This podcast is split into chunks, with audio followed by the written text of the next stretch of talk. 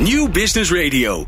Let's Talk Business. Met nu People Power met Glen van der Burg. People Power is een programma over de kracht van mensen in organisaties. Met interviews en laatste inzichten voor betere prestaties en gelukkige mensen. Deze week gaat Glen van der Burg in gesprek met... Dominique Huytema is uh, mijn gast en daar ben ik bijzonder blij mee. Uh, om heel veel redenen, maar daar ga je vanzelf achterkomen tijdens deze uitzending waarom dat zo leuk is. Uh, ja, welke inzichten haalt uh, zij, want zij is journalist, psycholoog, uit de boeken die ze leest, maar ook die ze schrijft. Ze is oud-hoofdredacteur van het MT, journalist, psycholoog en auteur. Ze heeft een hele lijst boeken, die zal ik je straks nog wel even meegeven mee wat dat dan allemaal voor boeken zijn. Um, heel veel boeken over leiderschap. Dus daar valt zeker wat over te vertellen. Uh, maar als je dat lijstje van die boeken bekijkt, dan, uh, dan in het begin denk je, oh, dat zijn allemaal managementboeken. En dan ineens komt daar het boek Nooit meer een zelfhulpboek. Nou, daar zit een, een, een kleine breuk in, in, in zeg maar de titels. Dus daar ben ik heel erg benieuwd naar hoe dat dan komt. Um, en dat bespreken we allemaal maar met haar in deze aflevering van People Power. Wil je nou meer luisteren? En dat wil je natuurlijk, tenminste dat hoop ik wel. En zeker in deze tijden. Je bent misschien niet meer zoveel onderweg, maar je bent nog wel uh, misschien lekker buiten aan het wandelen. Dan uh, kun je meer luisteren op peoplepower.radio. Of je kunt uh, even zoeken in jouw favoriete podcast app. En dan zoek je op People Power Podcast. Fijn dat je luistert. People Power met Glen van den Burg. met Dominique Huytema in de studio. Hoi Dominique, wat leuk dat je er bent. Hi, ja vind ik ook. Ja. Ja, ik uh, zat mij voor te bereiden op dit gesprek. En um, um, uh, ja, dan ga ik altijd een beetje kijken van uh, wat heb je allemaal gedaan en geschreven. En toen dacht ik, ja, voordat je het weet ben ik drie dagen aan het voorbereiden. Dat is nou ook weer niet helemaal de bedoeling. En ik ga eerlijk gezegd ook wel redelijk bleu altijd gewoon zo'n gesprek in. Omdat ik gewoon überhaupt benieuwd ben naar wie je bent en wat je doet. maar een van de dingen die mij opvielen was dat, je, dat je best wel veel geschreven hebt op het gebied van leiderschap. Mm. Dus ik denk, nou, dat is een, een fijn, rustig begin om, om daarmee te starten. Waarom? Wat, wat is die fascinatie daarover? Precies dat onderwerp. Ja, ja. Um, nou, dat begon eigenlijk toen ik mijn eerste baan had als redacteur bij Management Team. Dat is dan volgens mij uh, al 15 jaar geleden. En daar ging het heel veel over leiderschap. Ik zag die, dat woord. Was in. Ja, nee, maar ik zag het steeds voorbij komen, uiteraard net als management. Maar ik begreep eigenlijk niet waar dat over gaat. Ja. Wat is dat dan, leiderschap? Het, leek een containerbegrip. Het, ble het, bleef in heel veel artikelen, interviews terugkomen. Maar ik begreep het niet zo goed. En toen dacht ik, weet je wat? Ik ga het gewoon aan de slimste mensen ter wereld vragen. En toen ben ik begonnen. Is het geluid niet goed? Ja, ja ik, ik help je even een beetje. Oh.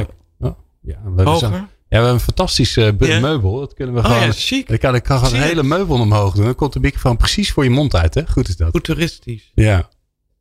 We gaan Ja. de slimste mensen ter wereld vragen. Nou ja, en toen dacht ik, wie kan ik dat vragen en wie heeft er verstand van? En toen ben ik een hele serie managementgoeroes afgegaan. Bijvoorbeeld Stephen Covey of Stephen Covey. Stephen. Henry Mintzberg en eh, Warren Bennis. Ja, dat klinkt nu allemaal een beetje gedateerd. die heb je. Nee, die, maar nou, hallo. Er worden nog best wel wat boekjes van verkocht, volgens mij hoor. Ja, nee, tuurlijk. Covey heeft volgens mij het best verkochte managementboek aller tijden. En die heb je persoonlijk gesproken. Ja, dat was mijn eerste grote interview eh, in die baan. En iedereen zei, ja nee, tuurlijk, jij gaat hem even interviewen. Maar ik dacht, ja, hoezo niet? Dus ik heb het eh, gevraagd en het mocht. En toen vloog ik naar Washington, dat zal ik ook nooit meer vergeten. En hij had heel veel tijd en vond het heel bijzonder dat ik de moeite nam om vanuit Nederland naar Amerika te gaan om hem te spreken. Wauw. Dus, maar goed, dat geldt niet voor alle goeroes. Hoor, dat ze het zo bijzonder vonden dat je de moeite neemt om ze op te zoeken. En dat was eigenlijk het begin van een hele mooie reis. Want uh, ja, hoe meer mensen ik sprak, hoe minder ik er eigenlijk van begreep. Want uh, ja, uh, ik noem even iets. Als tien, tien goeroes sprak, wat versta je onder leiderschap? Kreeg ik tien definities. En als ik vroeg, wat moet een effectieve leider allemaal kunnen en doen? Nou, dat was echt een hele waslijst. Dat zie je natuurlijk ook aan de enorme hoeveelheid managementboeken en boeken over leiderschap, authenticiteit, realistisch, visionair, charismatisch, betrokken, resultaatgericht. Nou, je kan hier nog wel even doorgaan. Ja, ik, het eerste boekje wat ik heb geschreven ging ook over leiderschap. en, en, ik wilde toen um, uh, Alexander Rino Kan wilde ik interviewen. En ik stond achter hem bij de lift bij een of andere bijeenkomst. En toen tikte hij me op zijn schouder. En toen zei ik, goh, mag ik u interviewen over leiderschap? Mm -hmm. Toen keek hij, nou, hij was niet geïrriteerd, maar hij zei, oh, alweer een boek over leiderschap. ja. en waar, ja. toen zei ik, ja, ik ben benieuwd waarom leiders eigenlijk leiden. Oh, zei hij. Dat vind ik wel interessant. Ja. Ja. ja. Nou ja, ik wilde het. Ehm, ik wilde eigenlijk, dat schrijf ik vaker, maar ik was eigenlijk op zoek naar de heilige graal. En uh, toen was ik begin dertig en dan heb je natuurlijk nog de illusie en de ambitie. Mijn eerste boek heette ook Leiderschap in de 21ste eeuw. Want ik dacht, dat ga ik even uitzoeken, dat ga ik even uitleggen, dan zijn we daarmee klaar. Ja, hebben we dat gehad. Dat is natuurlijk heel ontroerend, maar zo denk je in de, als je nog relatief jong bent. Dat je denkt, nou, dat, dat ga ik wel even uitleggen. Aan de hand natuurlijk van uh, allemaal deskundigen. Nou ja, en toen de tweede serie was eigenlijk dat ik dacht, ja, ik heb allemaal denkers geïnterviewd. Ja, dat is natuurlijk heel makkelijk. Ik moet mensen interviewen uit de praktijk. En toen ben ik een hele nieuwe serie begonnen met Jack Welch van GE.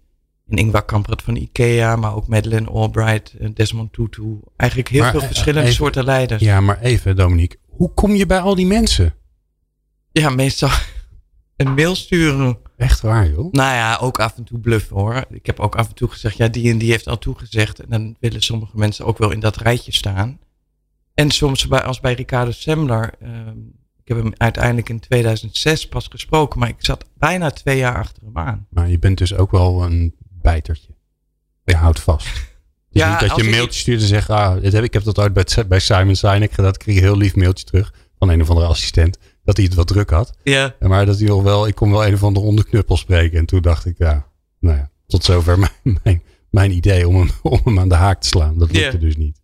Nee. Nou ja, die heb ik ook gesproken. Nu, nu moet ik zeggen dat bij veel. Je hebt dan natuurlijk, of ik had heel veel verwachtingen van veel goeroes, deskundigen. En eh, heel vaak vertellen ze gewoon wat er in hun boeken staat. Ja. Of wat ze tijdens een seminar vertellen. Is dit beter? Ja, we zijn even aan het geluid aan het klooien, maar dat gaat helemaal goed komen. Ja, ja. Maar jij, jij, gaat er dus achteraan en dan vind je ze dus gewoon. Je vindt ze en je, je krijgt ze te pakken. Nou ja, het, ik had wel een soort. Ik heb bijvoorbeeld wat ik ook bijzonder vond, Jim Collins geïnterviewd. Ja. Die van het boek van Good to Great, die gaf eigenlijk nooit interviews. Kijk, heel veel mensen zeker goed, dat is hun bestaans, hun businessmodel. Dat ze boeken schrijven en seminars geven. En dus ze willen graag interviews geven, want dat is promotie om mensen binnen te halen. Maar ook aan iemand uit Nederland. Ja, en als ik zei, ja, ik werk voor dat en dat businessblad, nou, dat zei natuurlijk niemand iets. Dus dat was niet echt een goed argument. Maar ik denk, want Jim Collins die zei dus ook ja. Dat vond ik heel bijzonder, omdat hij eigenlijk zo goed als nooit interviews gaf, jarenlang niet. En toen vroeg ik, waarom zei je ja? En toen zei hij, omdat ik je vraag interessant vond. Aha. En zei hij, hier is iemand die echt iets wil leren.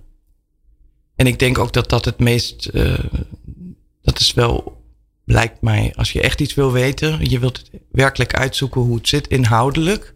Dat is je drijfveer. Dat mensen daar eerder ja op zeggen dan dat je denkt, kijk mij eens met die celebrities. Ja, leuk doen kom je dan toe? Als je, hè, want je hebt heel veel experts gesproken, die vinden dat ze ergens verstand van hebben. Mm. Uh, sterker nog, uh, iemand als Kavi is, wordt natuurlijk wereldwijd omarmd als, uh, nou, hè, daar heb je wat aan. Mm -hmm. um, je hebt heel veel mensen uit de praktijk gesproken. En dan? Ja, en dan. Nee, is, wat is dan de conclusie? Nou, de conclusie was een, een, een ja, niet een treurige, eigenlijk ook een inspirerende.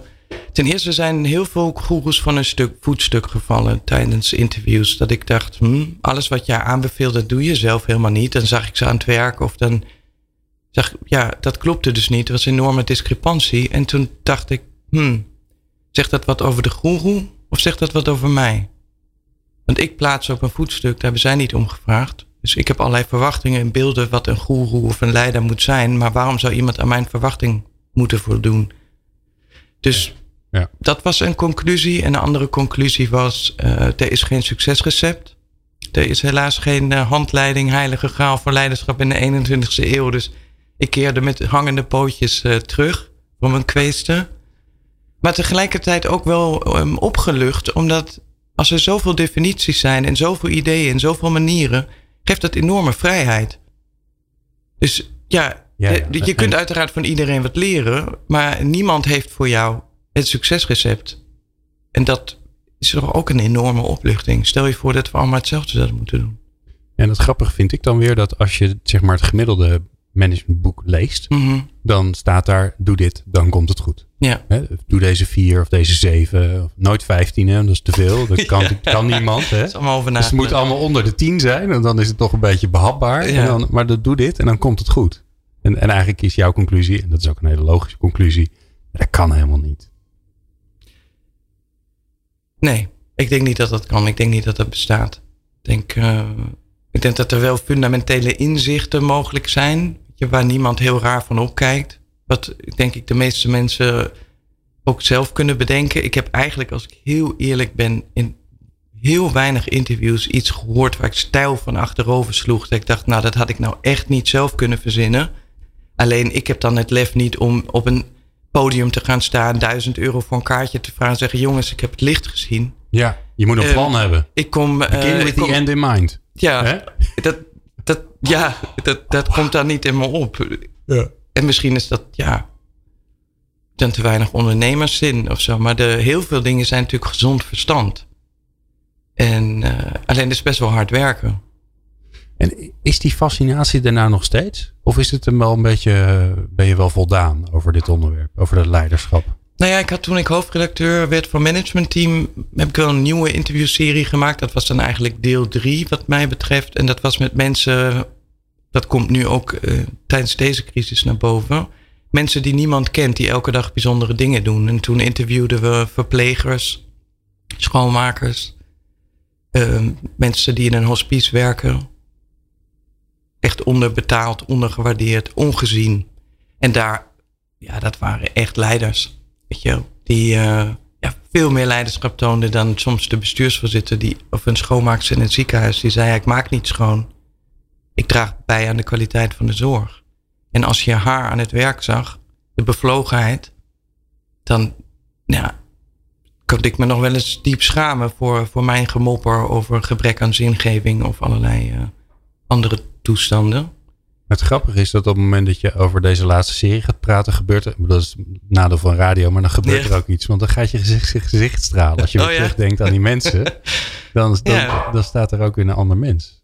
Die, mensen, hebben, die heel- mensen hebben jou geïnspireerd. Ik vind dat een beetje rot woord, maar Ja, nee, het zijn mensen die je zie en hoor je niet vaak. En ik ben als journalist ook, en zeker in het begin, wil je toch scoren. En wil je de grote namen. En wil je, ja, eh, je, de, ook iemand als Lou Gersner, die zogenaamd in zijn eentje IBM heeft gered van de ondergang. En die komt dan vol op de cover van een businessblad. Want dat heeft hij natuurlijk niet gedaan. Dat heeft hij met heel veel mensen gedaan. En het was heel, ja, het komt veel dichterbij als je, ja, de, dat soort helden interviewt. Maar die zullen nooit de krant bellen. Ga mij eens interviewen, want ik doe zo fantastische dingen. Dus dat is ook een taak van de journalistiek, vind ik, om het licht te laten schijnen op mensen die dat zelf nooit zouden opzoeken.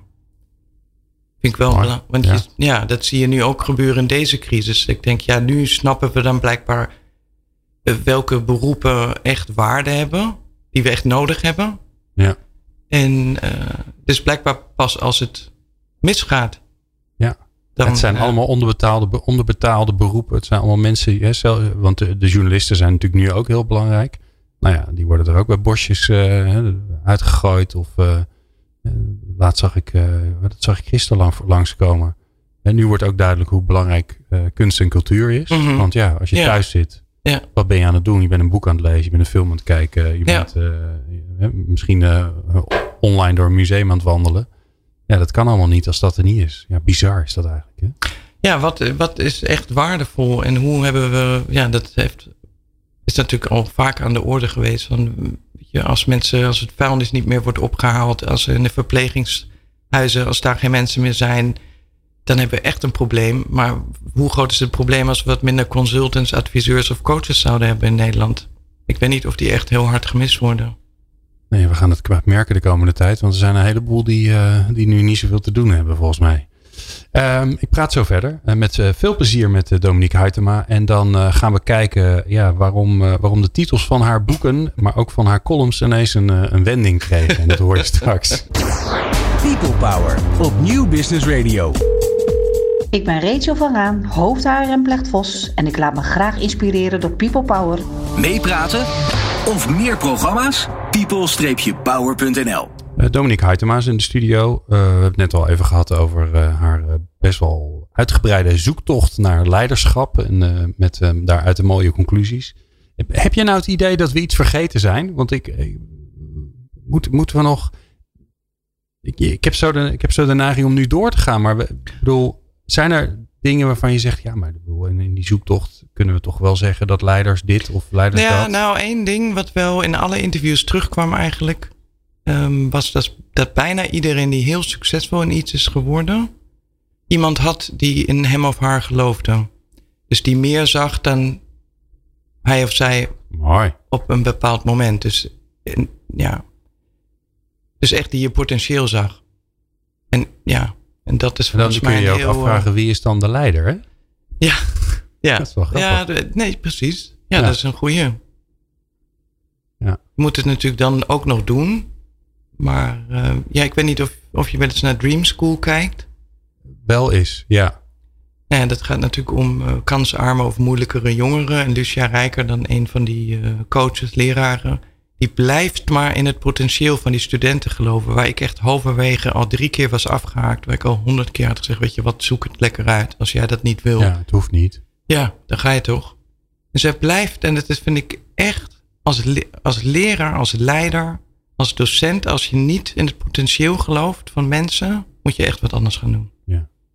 ja. Klinkt misschien een beetje stellig, maar... Nou, ik vind het wel mooi. En ik vind het ook wel, maar ik merk dat de laatste tijd sowieso, dat die, die um, ook in de boekjes die ik zelf lees, dat het een beetje van ik naar, naar wij gaat. Mm -hmm. Dus wat kan je doen om effectiever, beter, meer richting te geven aan? En op een gegeven moment was ik daar ook zelf wel een beetje klaar mee. En toen had ik, um, god, hoe heet dat boekje nou? The Power of the Other, volgens mij. Mm -hmm. Nog wel aardig Amerikaans. Nog wel aardig. Hè, zorg dat je mensen om je heen hebt waar je wat aan hebt kwam het een beetje op neer. In, in positieve zin. Mm -hmm. Ook mensen die lief voor je zijn en uh, die je energie geven enzovoort. Maar daar zat ik zelf aan te denken. Toen dacht ik, ja, er zijn ook in mijn leven zoveel mensen, vooral veel vrouwen trouwens geweest. Die, um, die op een gegeven moment tegen me zeiden: Goh, ga je dan nu dit doen? Of uh, oh, zou je dat niet, zou je niet dat Mm. doen? Of uh, oh, vind je dit leuk? En, en ik, ik heb dan toevallig de neiging om veel ja te zeggen. Dat helpt.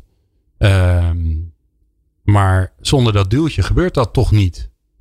Dat, dus ik vind dat wel een heel mooi inzicht eigenlijk. Ja. Hoe, hoe, belangrijk je in het leven van iemand anders kan zijn. Door gewoon te zeggen, joh, weet je, volgens mij... Uh... Ja, en iedereen kan zo iemand vaak noemen uit zijn leven. Een leraar of uh, op de middelbare school. Of inderdaad een ouder of een vriend. Een, Ja. een muzikant. Het kan ook met muziek, met boeken. Dat ineens je horizon wordt verbreed. En iemand zegt, hé, hey, Wie was het voor jou? oh, dat is een hele lange lijst. Maar doe er eens één. Om er wat je Ehm, gevoel bij te krijgen. Uit mijn persoonlijke of um, ja, mijn leraar Engels begon het eigenlijk mee. Want als hij uh, Shakespeare voordroeg, waar, waar eigenlijk allemaal bij in slaap vielen toen de tijd. Als hij dat deed, hij was gewoon verliefd op de Engelse taal. Als hij dat deed, ja, dan ging gewoon het licht aan. Wauw. Dus uh, dat was een van de manieren om te denken: oh ja, dat is de kracht van literatuur. Of van, ja, als je ergens verliefd op bent, wat je doet, je, dat is onverslaanbaar. Dat is gewoon, dat kun je ook niet. Dat, kun- ja, dat staat niet in je functieomschrijving. maar het is, Ja. je hebt het wel Je moet meteen verliefd door. zijn. Je Het- hebt het wel ook. Iedereen heeft. Of je een kop koffie gaat bestellen ergens. Of, dat, of iemand daar een concept heeft neergezet. En net zoals heel veel andere cafés. Het heel hip en happening met planten en ingewikkelde dingen. Of dat iemand echt van koffie houdt. En, en daar, ja, dat met andere mensen wil delen. Dat Het zou gewoon andere- in de functieomschrijving moeten staan, eigenlijk. Ben je verliefd op je baan? Nou, ben je verliefd op wat je doet? Ja, nou ja, dat is natuurlijk voor sommigen eh, misschien een luxe.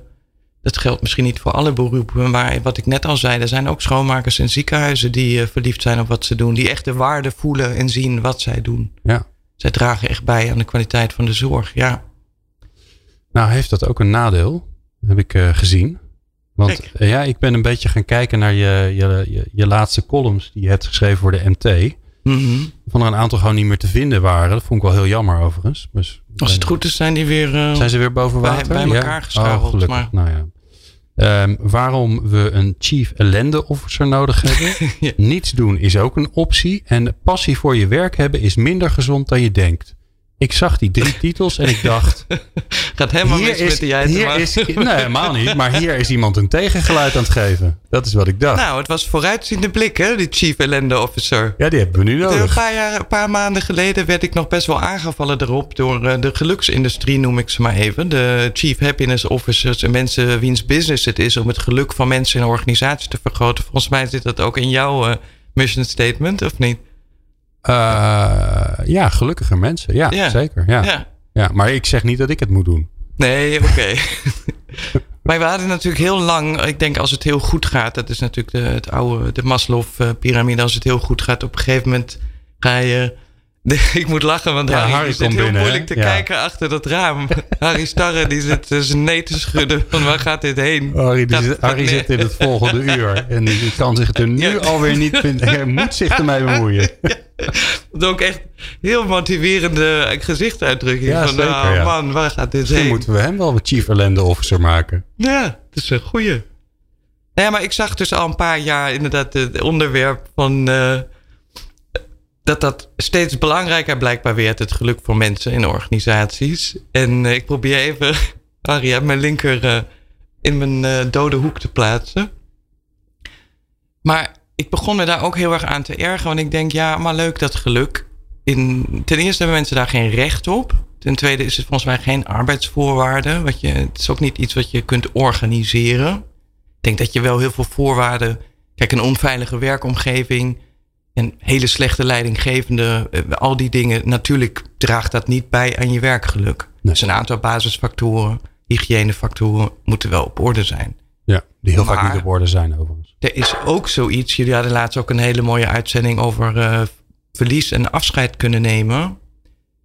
Hoe belangrijk dat ook is. Dus er is ook heel veel tegenslag. Mensen hebben dingen in hun privéleven, maar nu hoeven we er überhaupt niet meer over te praten tijdens uh, deze crisis hoe moeilijk het voor mensen is om ja, van heel veel dingen afscheid te nemen. Van heel veel vanzelfsprekendheden, van je, een deel van je vrijheid. Dus als dat er niet mag zijn, als je het er niet over mag hebben, dat levert heel veel stress op. Dus op het moment dat je daar nergens mee heen kan, of je hebt een leidinggevende, een organisatie waar je, waar je het alleen maar over geluk mag hebben en over productiviteit, ja, dat vind ik geen mensgerichte organisatie. Nee. Maar nee. er werd toen niet heel enthousiast op gereageerd op het idee. Ja, misschien wel. Misschien dat iemand nu wel die baan uh, aanbiedt. Ga ik meteen solliciteren. Jij wil dat wel ergens worden. Chief Ellende Officer, ja. Chief Misery Officer. Maar, ik bedoel, dit is een voorbeeld, hè? Maar dit bedoel, het zijn drie columns. Het is drie keer een tegengeluid. Een beetje tegen de stroom in. Waarom? Is het nodig? Nou, ik denk dat we veel te veel druk op mensen leggen. In de, dat mensen zich te verantwoordelijk voelen voor alles. Dus um, we moeten heel veel. En eh, de veronderstelling is vaak, alles is maakbaar. Dus het ligt aan jou als jij niet jezelf optimaliseert en als je niet alles uit je talenten en je potentieel en je moet op heel veel gebieden en natuurlijk je moet van alles bijhouden van social media tot nou ja, en alles is te optimaliseren. Dus het is jouw schuld als dingen niet lukken. Ik denk dat dat weet je, die grootheidswaanzin is, mag wel af en toe wat minder. En wat milder en wat meer mededogen met het gestuntel. En dat iedereen maar wat. Iedereen doet, maar wat. Iedereen klooit maar een beetje aan. iedereen doet zijn best. Alleen, ja, ook tegenslag, falen, verliezen, uh, verdriet. Ja, nu de dood. Die nu bij heel veel mensen een kleinere of grotere rol speelt dat hoort ook bij het leven. Ja. En zelfs daarvan vinden we eigenlijk dat, het, uh, dat we dat onder controle moeten hebben. Ja, en dat zie je natuurlijk heel vaak gebeuren op het moment dat de onzekerheid toeneemt, dat de behoefte aan controle toeneemt. Of dat angst. Er wordt nu heel veel, dat gebeurt helaas, vind ik ook veel in de media. Er wordt heel veel angst gecreëerd, of in ieder geval uitvergroot. Ja, waarom vind je dat? Omdat je wordt doodgegooid met statistieken van mensen die overlijden. Omdat je allerlei mensen aan het woord laat met allerlei rampscenario's. Omdat er niet duidelijk onderscheid wordt gemaakt tussen dit zijn de feiten en dit zijn de meningen. Dat er continu oordelen in zitten. Dit is wel goed, dat is niet goed. Uh, Dat je mensen het gevoel geeft dat, dat ze asociaal zijn als ze naar het strand willen. Ja, dat je het normaal vindt dat er nu drones over het strand vliegen om mensen te gaan waarschuwen dat ze onvoldoende afstand houden. Ik vind dat heel ver gaan. En als ik daar wat van zeg, dan wordt bijna gesuggereerd dat ik in mijn eentje verantwoordelijk ben voor de dood uh, straks van uh, duizenden mensen. Dus het relativeren en onszelf ook niet zo serieus nemen. Wat, ik wil het niet bagatelliseren, maar kom op. Je, ja. Ja, ik, uh, ja, ik weet ik ook ben... helemaal niet zo goed wat ik er allemaal van moet vinden. Ik heb daar eigenlijk misschien ook helemaal geen doordachte mening over. Maar het, de reflexen vallen me wel op. Op het moment dat het, uh, dat het spannend wordt, dan laten mensen hun ware gezicht zien. En dan zie je ook heel veel mooi leiderschap ontstaan. Maar je ziet ook heel veel lelijkheid. Dus ja. Nou ja, en, en wat ik wel interessant vind, maar dat bedoel, daar hebben we hier helemaal geen programma over. Maar dat, er gaat vast uh, straks op teruggekeken worden, is, is de rol van de, van de media daarin. Mm -hmm. Hebben die nou geholpen straks, als ze terugkijken? Of hebben ze, of hebben ze gezorgd dat we allemaal uh, of te overtrokken of te weinig hebben gereageerd? Of te veel angst hebben gehad of te weinig? Ja, dat is... Ja. Dat is natuurlijk heel moeilijk te inventariseren of in kaart te brengen van wat, wat heeft veroorzaakt of vergroot. Dat is heel lastig. Het is natuurlijk één grote. Nee, ik heb nu in ieder geval een paar coronavrije dagen ingelast. Dat ik dus geen, oh, ja. nieuwe, geen nieuwstop me neem. En uh, inderdaad naar het strand ga of naar het bos en een rondje loop uiteraard op gepaste afstand. Zeker, met anderhalve meter afstand. En niet in grotere groepen dan drie. En even naar, want eh, de zon gaat gewoon op hoor. De zon gaat ook gewoon weer onder. Dus wat wij ook allemaal bedenken, de, de natuur trekt zich daar uh, tot nu toe. Nou, de natuur trekt zich daar heel veel van aan. Ja, want die, die, die, die, knapt behoorlijk op, ja. kan ik je zeggen. Dat valt ja. volgens mij heel veel mensen op. Um, ik praat zo verder met uh, Dominique Huytema. En dan uh, gaan we het hebben over haar laatste boek. Nooit meer een zelfhulpboek. Dat hoor je zo. People Power op Nieuw Business Radio. Ik ben Madeleine Strik, sociaal psycholoog aan de Universiteit Utrecht. Elke maand heb ik een column bij People Power over het nut en de noodzaak van humor op het werk. Wil je alle columns van People Power luisteren? Ga dan naar peoplepower.radio en klik op onze columnisten. Of zoek in jouw favoriete podcast-app naar People Power columns. Meepraten of meer programma's? people-power.nl Dominique Huytema is uh, te gast in de studio. We praten over ja, van ons nog wat eigenlijk. ja, ik wel, kan er wel iets heel intelligents over zeggen. Maar we praten over van alles en nog wat. Dat wat er voorbij komt. Of dat waar het gesprek ons heen leidt. En wat ik ook een beetje heb voorgenomen. Um, ja, het laatste gedeelte wil ik heel graag met je praten over je laatste boek. Nooit meer een zelfhulpboek. Um, en toen ik me daar enigszins... Ik heb het niet gelezen, want anders kan ik... Ja, daar ben ik altijd gewoon heel eerlijk in. Ik kijk altijd gewoon een beetje waar het ongeveer over gaat. Dan kom ik een heel eind. Maar ja, jeetje zegt, er zit nogal wat heftigs uh, gaat eraan vooraf bij jou. Ja, ja. Nou ja, het boek had eigenlijk, uh, dacht ik me later, beter Out of Control kunnen heten. Want dat is eigenlijk de essentie. Dat nooit meer een zelfboek. Eigenlijk zei laatst iemand tegen mij: je moet nooit zeggen wat iets niet is. Liever wat iets wel is. Maar goed, het heeft natuurlijk ook weer voor media-aandacht ge gezorgd. Dus. Ja. En doe je maar, de Engelse versie, noem je dan Out of Control. Dat is wel mooi. Ja, Oh, ja, want dat is letterlijk wat het is. Want ik heb dan nu sinds drie jaar de diagnose epilepsie. En um, ik had een paar jaar daarvoor een hersenbloeding. Dus ik had een aantal best wel forse fysieke tegenslagen. En ja, wat het naam al zegt, het is out of control. Dus het is net als de coronacrisis nu. Het is niet iets wat iemand gemaakt of Dus het is niet omdat we het allemaal niet goed hebben gedaan. Het dat, gebeurt. Ja, je, net zoals iemand ineens uh, heel ziek kan worden. En dan heeft hij echt uh, niet per se iets verkeerd gedaan. Dus maar, de. Ja, sorry. En dan, en dan gebeurt jou dat. En uh, wat ik erover gelezen heb. Um, en, en wat je ook, nou ja, wat je net eigenlijk ook vertelde. Hè, uh, een beetje een go-getter. Je hebt, je hebt een idee, ik wil koffie spreken. En dan zorg je gewoon dat je hem spreekt. En dan mm. laat je los als je, als je het voor elkaar hebt. Um, dus iemand die dingen voor elkaar krijgt. Dus dat is een beetje het beeld wat ik uh, wat ontstond toen ik een beetje over je ging lezen. Ja, en dan overkomt je zoiets. Heb je dan iets aan al die kennis en al die gesprekken die je hebt gehad eh, over leiderschap en hoe je met je leven om moet gaan en, en zo? Ja, ja en nee. Um, Wat een politiek antwoord. Nou, nee, oh, ik heb er eigenlijk niets aan gehad als het gaat in, om het ja, om het te, ja, accepteren is ook zo'n vreselijk woord, om het te aanvaarden, me daarmee te verzoenen, heb ik er niets aan gehad. En was het eerder een belemmering. Omdat ik zoveel daarover weet en zoveel interviews heb gedaan, ehm, voelde ik me schuldig dat ik er niet ook hier een succesverhaal van gemaakt. Dat ik er niet sterker uit ben gekomen. Dat ik niet het licht heb gezien. Uh, dat ook heel was dat het beeld wat je had? Van oké, nu moet ik daar, ik moet er, nou, ik overheen komen je heel of zo? vaak, uh, misschien heb ik iets te veel Amerikaanse boeken gelezen en iets te veel Amerikaanse films gezien. Uh, ik ben dan ook heel romantisch van aard. Dat ik toch denk, ja, nou ja, shit happens. Maar dan kom je er natuurlijk getransformeerd uit. Ja. Weet je, het is gewoon gewassen. En uh, nu ga je nooit meer met futiliteiten bezighouden. Nu, uh, want dat denken we nu in deze crisis ook. Ja, als het straks voorbij is, dan gaan we de zorg echt goed betalen. En dan gaan we. Dan, nu weet ik weer waar het werkelijk over gaat. Ja, dat duurt misschien twee, drie, durf ik te voorspellen. Dat duurt niet lang. Yo, want op het moment dat je er middenin zit, wil je zo graag dat het beter gaat en anders is. En denk je, ja, vanaf nu als zodra het voorbij is, ga ik het allemaal anders en beter doen. En bij mij duurde de verlichting zes weken volgens mij na de, na de hersenbloeding. Toen begon ik me alweer uh, onmogelijk te gedragen in het verkeer of allerlei andere ongein. En um, ja, omdat je mensen bent. Dus het is, ja, ook al maak maar, je... Maar vond je dan, je, je had je voorgenomen, oh, ik heb nu die hersenbloeding gehad.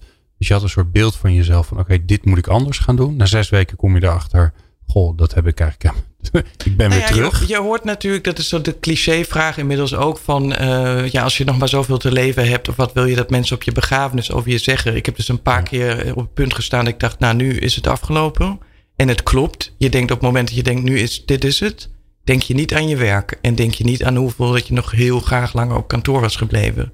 Uiteraard. Je denkt niet aan je diploma's, je prestaties, je functie. En al die dingen. Je denkt aan iedereen waar je van houdt. Punt. Of je nog iemand om vergeving moet vragen of ja, dat soort dingen. Maar op het moment dat je weer. Dus ik dacht, ja, oké. dus ik ga me nu richten op de dingen die er werkelijk te doen, die werkelijk van waarde zijn. Maar toen werd ik gevraagd om hoofdredacteur te worden van managementteam. En binnen drie maanden was ik weer net zo druk. Voelde ik me net, net zo belangrijk. Was ik heel druk met deadlines. En was het allemaal een kwestie van bijna leven en dood of een nummer naar de drukker kwam. Dus het is ook heel, ja, ik dacht het leven is maakbaar, in een kwestie van wilskracht. En dan kom je er wel. Ja. Maar? Nou, wilskracht is, was voor mij geen echte kracht. Dus voor, voor mij veranderde pas iets toen ik me realiseerde dat ik niet zo heel veel voorstelde. Ook al dacht ik graag uh, dat het anders was. En dat je iets meer nederigheid moet hebben voor het leven. Je hebt heel weinig zaken echt onder controle. dat is geen leuk nieuws, want wij denken van wel. Met onze eindeloze ja, zelfoptimalisatie. En dat is, uh, ja, vond ik in ieder geval confronterend en pijnlijk. Ik was uh, een control freak. Ja, was, was dat ook omdat het, omdat het zo'n contrast was met waar je, wie je was of waar je ja, geloofde? Absoluut. Ik voelde me ook heel wat was gewoon uh, de heerser van in ieder geval mijn universum. En dat ben, je, dat ben je gewoon niet. Natuurlijk maakt het uit wat je doet. Ik wil niet zeggen dat het niet uitmaakt, maar ja, het maakt een beetje uit. Weet je, voor de mensen om je heen. En uh, nou ja, of je een bestseller schrijft of niet, ik weet niet of dat dan blijvend gelukkig maakt. Ik denk het niet. Is mijn vermoeden, maar misschien ook wel. Heb ik nog niet meegemaakt. Je best ja, misschien nu wel. Ja, misschien wordt dit mijn doorbraak als crisisdeskundige. Je doorbraak, dat is ook wel mooi. Vind ik ook een mooi woord altijd. Ja, nee, wordt dit mijn door. Ik sta de hele tijd tegen die muur te rammen. Goeroe Domi word ik dan. Ja. Ja, ga ik alsnog uh, duizend euro vragen per kaartje dan. Hè? En dan word je gelukkig. Ja, zeker. Ja. Absoluut. Hey, maar je zei hey, ja en nee. Dus aan de ene kant heb je, er, heb je er niet zoveel aan gehad. Omdat je het heeft je misschien alleen maar gestimuleerd om juist harder te gaan werken of zo. Om het weer, om het weer om te draaien. Ja. Om, om, meer van dat soort. Ik vond dat ik zeker daar uh, beter mee om moest gaan. Omdat ik zoveel kennis had. En dan heb je natuurlijk ook weer uh, het tegeltje: kennis is geen wijsheid. Maar het is wel waar. Je kunt van alles weten. En dat zei Covey ook heel mooi. Dat zei hij eigenlijk al in mijn eerste interview. Iets weten en het niet doen is niet weten. Ja. Ja. ja. Maar um, eigenlijk is misschien niets doen wel heel erg um, heilzaam geweest voor je. Niets doen? Ja, nou ja, ik bedoel, je, wat ik je hoor zeggen is, ja, dat hè, het overkomt je. Je krijgt die hersenbloeding. Uh, uh, je, je krijgt te horen dat je epileptisch bent. Ik weet eigenlijk niet, heb je dat altijd al of ontstaat dat? Dat weet ik eigenlijk helemaal niet eens. Nee, dat is een beetje onduidelijk. Het, uh, die twee dingen zijn ook los van elkaar. Zijn ja. allebei in het brein, maar het zijn twee totaal verschillende problemen. Ja. En het is onduidelijk of die epilepsie is aangeboren.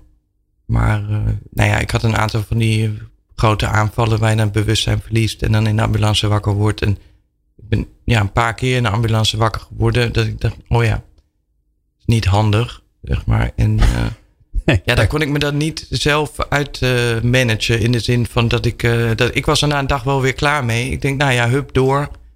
Ik heb nog wat te doen. En ehm, ja, en wie had je, wie had je dan? Wat je, wie had je dan niemand in de buurt die tegen je zei: joh, doe het rustig, joh. Dominique, chill, weet je wel. Het is oké. Okay. Ja, nou ja, ik, ik heb dan wel een omgeving uh, die wel zegt van, nou ja, er zijn ergere dingen. Want je bent niet dood, weet je, je bent niet blijvend gehandicapt vooralsnog.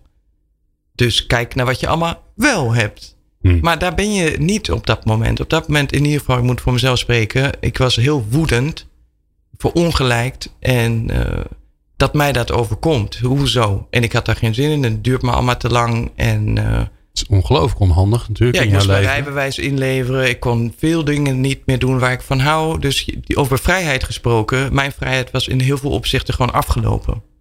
Dus um, ik durfde in het begin ook heel moeilijk naar buiten überhaupt. Want een epileptische aanval was niet heel grappig op straat. Of, uh, dus en dat is nu mijn grote voordeel in deze crisis. Ik ben gewend om met angst te leven. Dus uh, ja, ja, dat, er kan namelijk ook elk moment met iedereen wat gebeuren. Dus wij kunnen hier nu ook naar buiten lopen en dan worden we door een bus geschept. Ja. ja. ja. Nee, dan heb je het niet per se iets verkeerd gedaan. En, dan, en dan schrijf je daar een boek over waar je eigenlijk een andere titel aan, aan had willen geven. Hè? Out of Control. Waar, waar gaat dat dan naartoe? Um, de boek? Of de titel? Ja, maar ja, het boek en, en dus met jou. Want volgens mij is het een voor een groot gedeelte het ander. Alleen het boek is op een gegeven moment klaar en jij leeft natuurlijk gewoon verder, dat snap ik.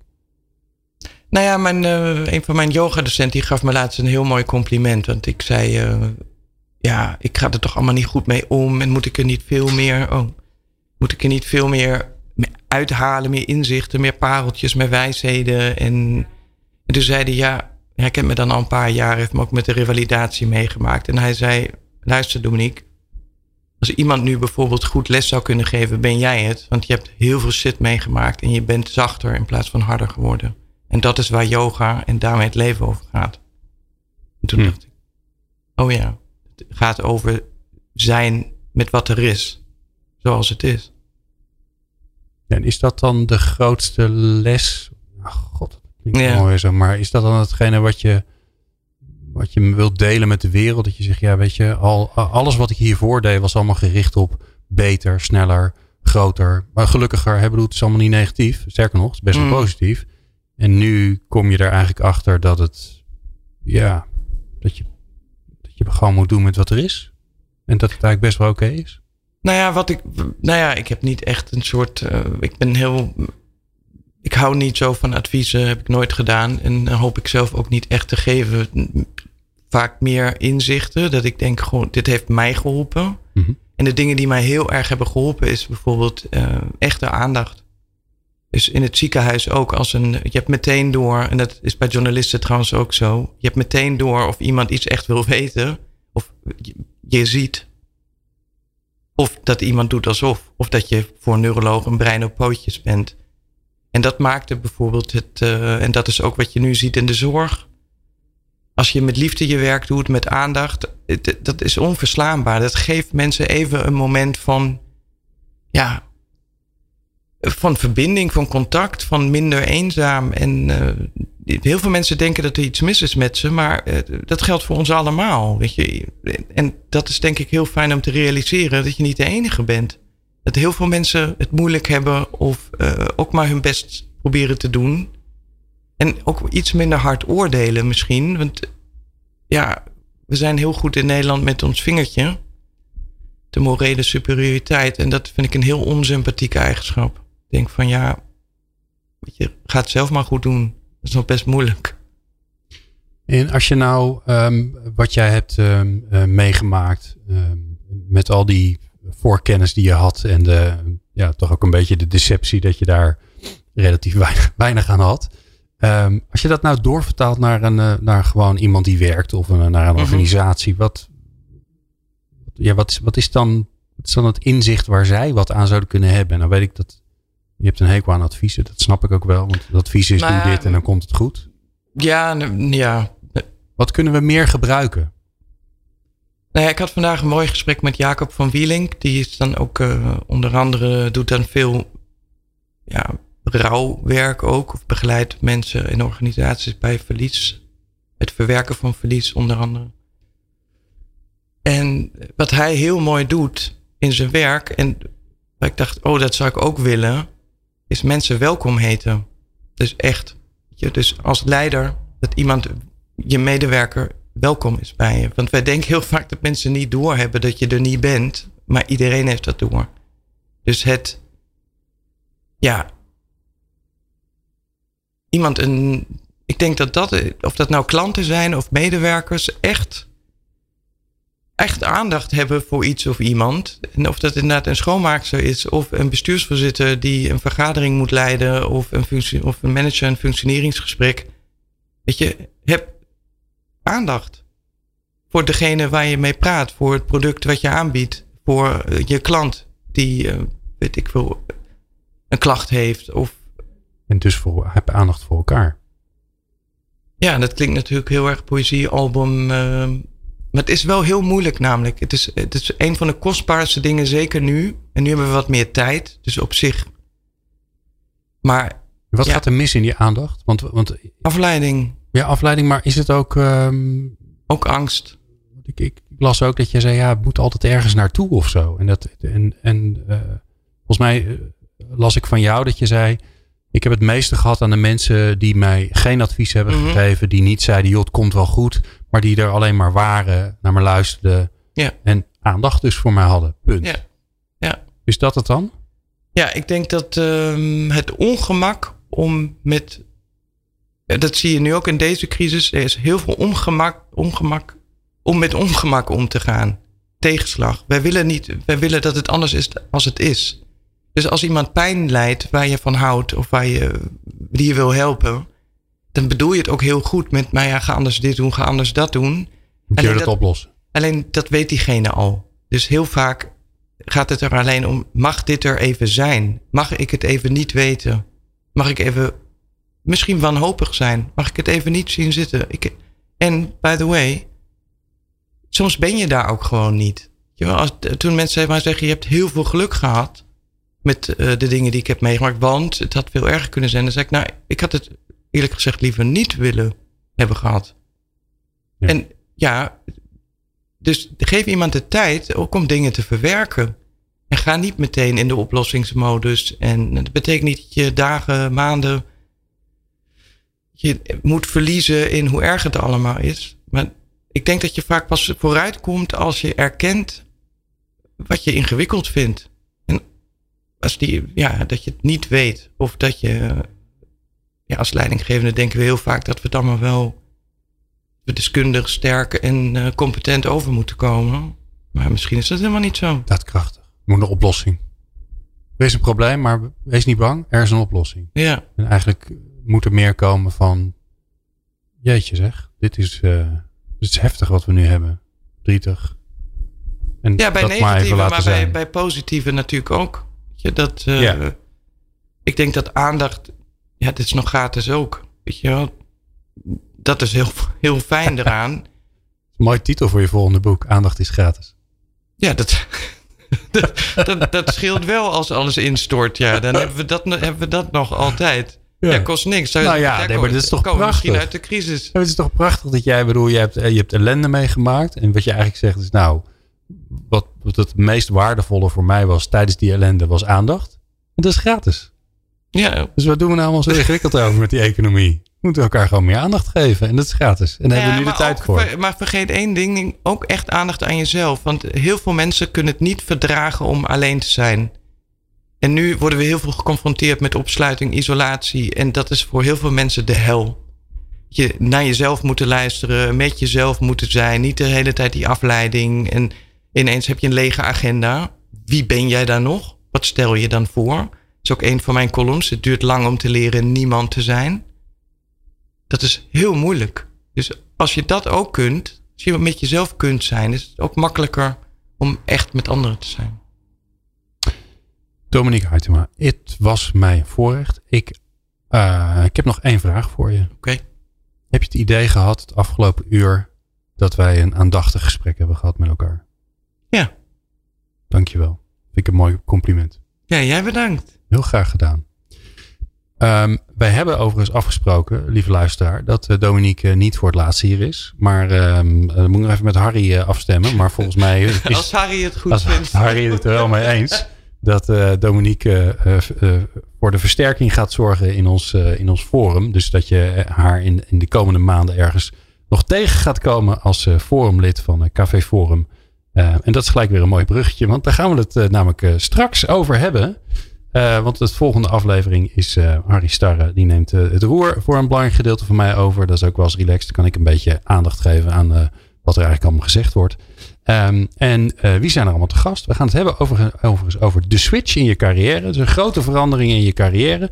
Ehm, en dat doen we met Jan Bonjer. Hij is volgens mij nog net hoofdredacteur van het Financieel Dagblad. Maar hij verruilt de journalistieke voor een functie als dijkgraaf. Ehm, eh, dus dat is de ene gast. En de andere gast eh, is eh, Robert Verhoeven. Die ik net hier al een foto zag maken. Want die is, heeft de switch gemaakt van een profijtelijke carrière in het vastgoed. Naar die van fotograaf. En dat hoor je in het volgende uur van People Power. Ik vond het in ieder geval bijzonder leuk dat je luisterde. Dankjewel. Meepraten of meer programma's? people-power.nl